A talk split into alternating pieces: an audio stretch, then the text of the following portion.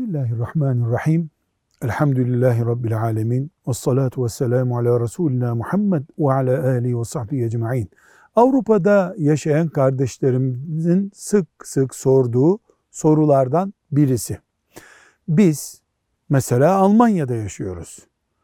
Herkes Hristiyan, birkaç Müslümanız sadece. Onların düğünleri oluyor, onların günleri oluyor. Biz hiçbir şey olmamış gibi kenara çekilsek bu dikkat çekiyor. Tebrikleşmemiz mümkün müdür? Cevap olarak deriz ki bir Hristiyanın veya Yahudinin veya Müslüman olmayan gruptan birisinin dini adına yaptığı bir şeyi tebrik edemeyiz. İslamiyet'in tebrik edilebilecek denkleri yoktur. Buna yılbaşı da dahil. Ama düğününü tebrik ederiz. Dükkan açmıştır onu tebrik ederiz. Sosyal yöndeki beraberliklerimizde tebrikleşme mümkündür. Ticaretiniz bol olsun deriz.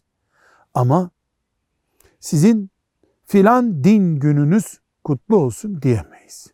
Velhamdülillahi Rabbil Alemin.